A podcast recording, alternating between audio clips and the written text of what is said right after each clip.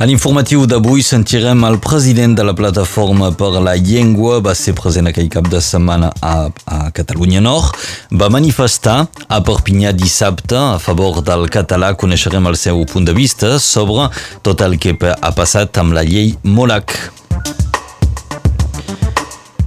És una pàgina d'història política de la vila de Cabestany que es gira. Jean Vila ha anunciat que deixa el càrrec de Baia, ho farà efectiu a partir del primer de juliol. I parlarem d'esports també, un cop d'ull a la situació de l'USAP a pocs dies de la final de Pro D2.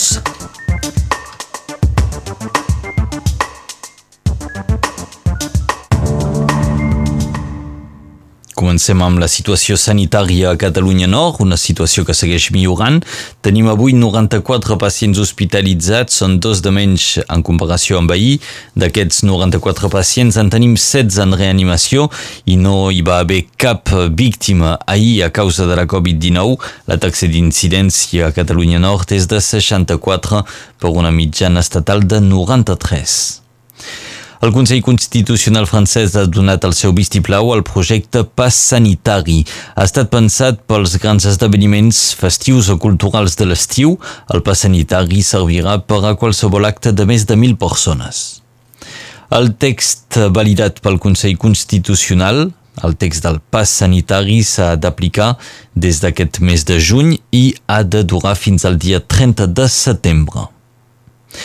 Tornem ara sobre la manifestació que va tenir lloc dissabte en defensa del català i de les altres llengües dites regionals, una manifestació que va ser tot un èxit.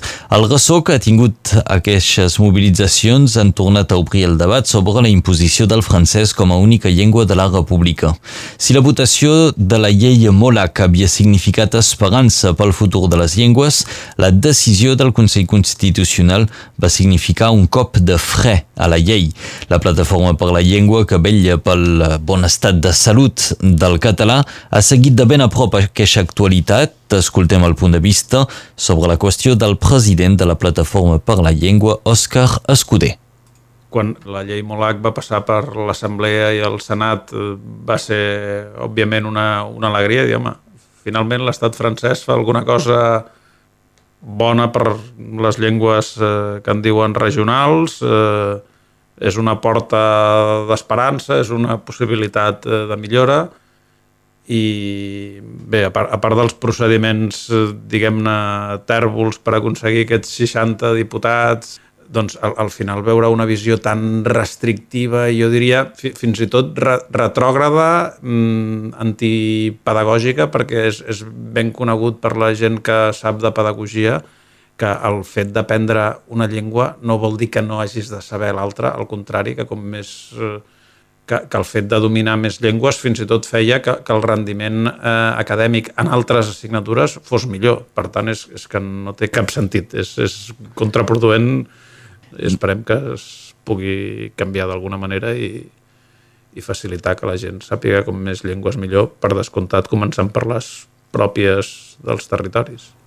Ens ho deia el president de la Plataforma per la Llengua, Òscar Escuder, va ser present en aquesta manifestació i en eh, altres esdeveniments com partits de rugby i reunions amb entitats d'aquí Catalunya Nord. Això va ser aquest passat cap de setmana.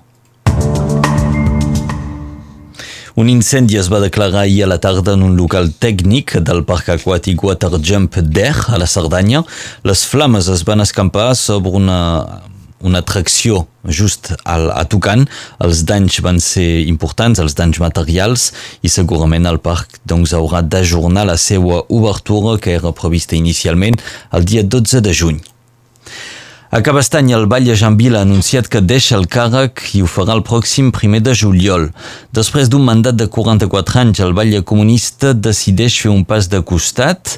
Vila va ser elegit per primer cop el 1977 i ha estat reelegit fins a nou cops al capdavant del municipi. Jean Vila assegura que tot està a punt per aquest relleu cap a Edith eh, Punier, que és la primera adjunta al Vall. Jean Vila seguirà sent conseller municipal i s'ocuparà d'urbanisme i de economia mentre duri aquesta transició. I seguim encara a la vila de Cabestany perquè s'ha declarat zona lliure LGBT+. És el primer municipi de Catalunya Nord i de tota la regió que fa aquest pas a destinació de la diversitat sexual. La iniciativa municipal segueix la línia del Parlament Europeu que el març passat es va proclamar va proclamar la Unió Europea zona de llibertat per les persones LGBT+. I avui eh, acaba la treva hivernal que impedeix les expulsions de llogaters que no paguen el lloguer i des d'aquest primer de juny també es poden tornar a aplicar els talls d'energia pels qui no estan al dia del pagament de la calefacció. Aquesta treva va ser allargada de dos mesos a causa de la crisi sanitària. I des d'avui també s'aplica un canvi pel que fa a l'atur parcial.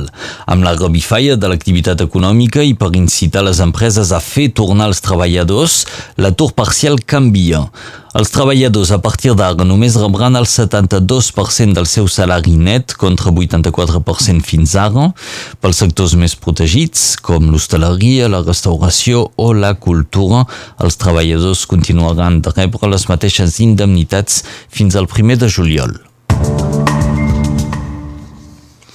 Els indults als presos polítics catalans segueixen marcant l'actualitat política de l'estat espanyol.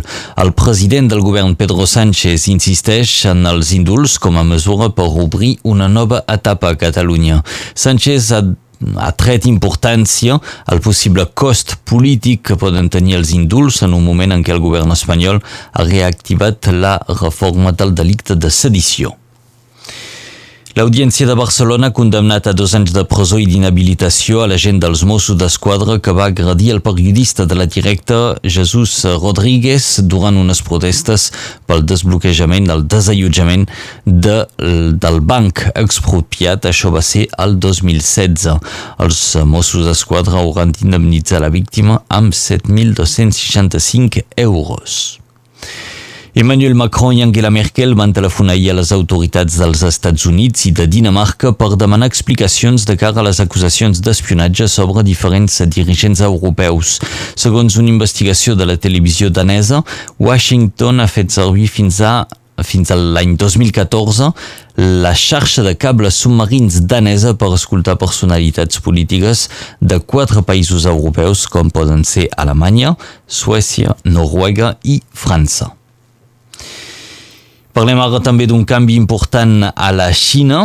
Ahir el govern xinès va anunciar que permetrà tenir fins a tres fills a les parelles del país, una mesura que té per objectiu de respondre a l'envelliment de la població.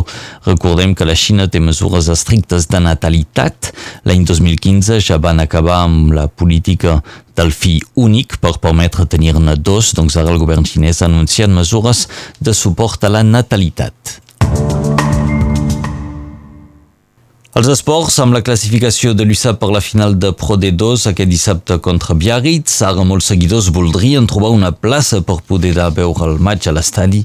La tasca s'anuncia quasi impossible perquè només hi haurà 1.000 seguidors a les tribunes. L'USAP ha rebut tot just 225 entrades per aquest eh, partit que només el club pensa que les reservarà als patrocinadors.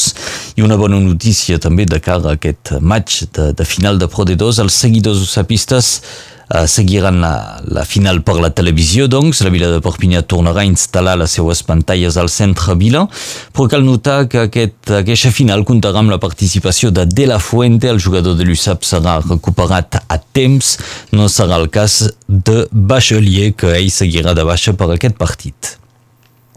I en futbol el Barça ha presentat el primer fitxatge de cara a la temporada vinent.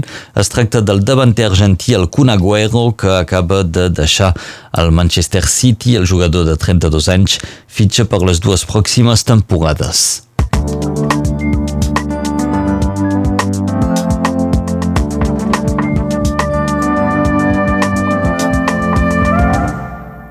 Descobrim ara el temps que tindrem al llarg de la jornada.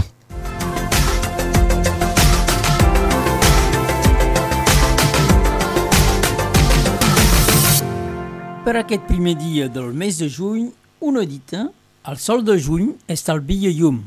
Avui els vents de mar ens fa arribar núvols. La marinada és activa i constant amb ràfegues fins a 50 km per hora.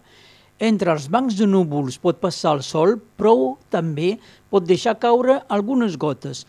Els ruixats són més probables a cotes altes i mitjanes, però són de poca intensitat. Tanmateix, és possible que es vegi llampecs i que se senti tronar en altituds.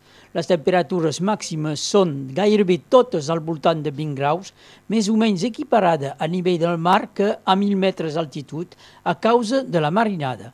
18 a Matamala, 21 a Sayagusa, 23 a Fontpedrusa, 24 a Prada, 25 a Illa, 23 a Iupià, 25 a Sant Joan Pla de Cors, 24 al Tec, 23 a Sureda, 20 a Cotlliure, 24 a Bonpas, 23 a Sant Pau de Fenollet i a Vingrau, on el sol es pondrà a les 21 hores i 21 minuts.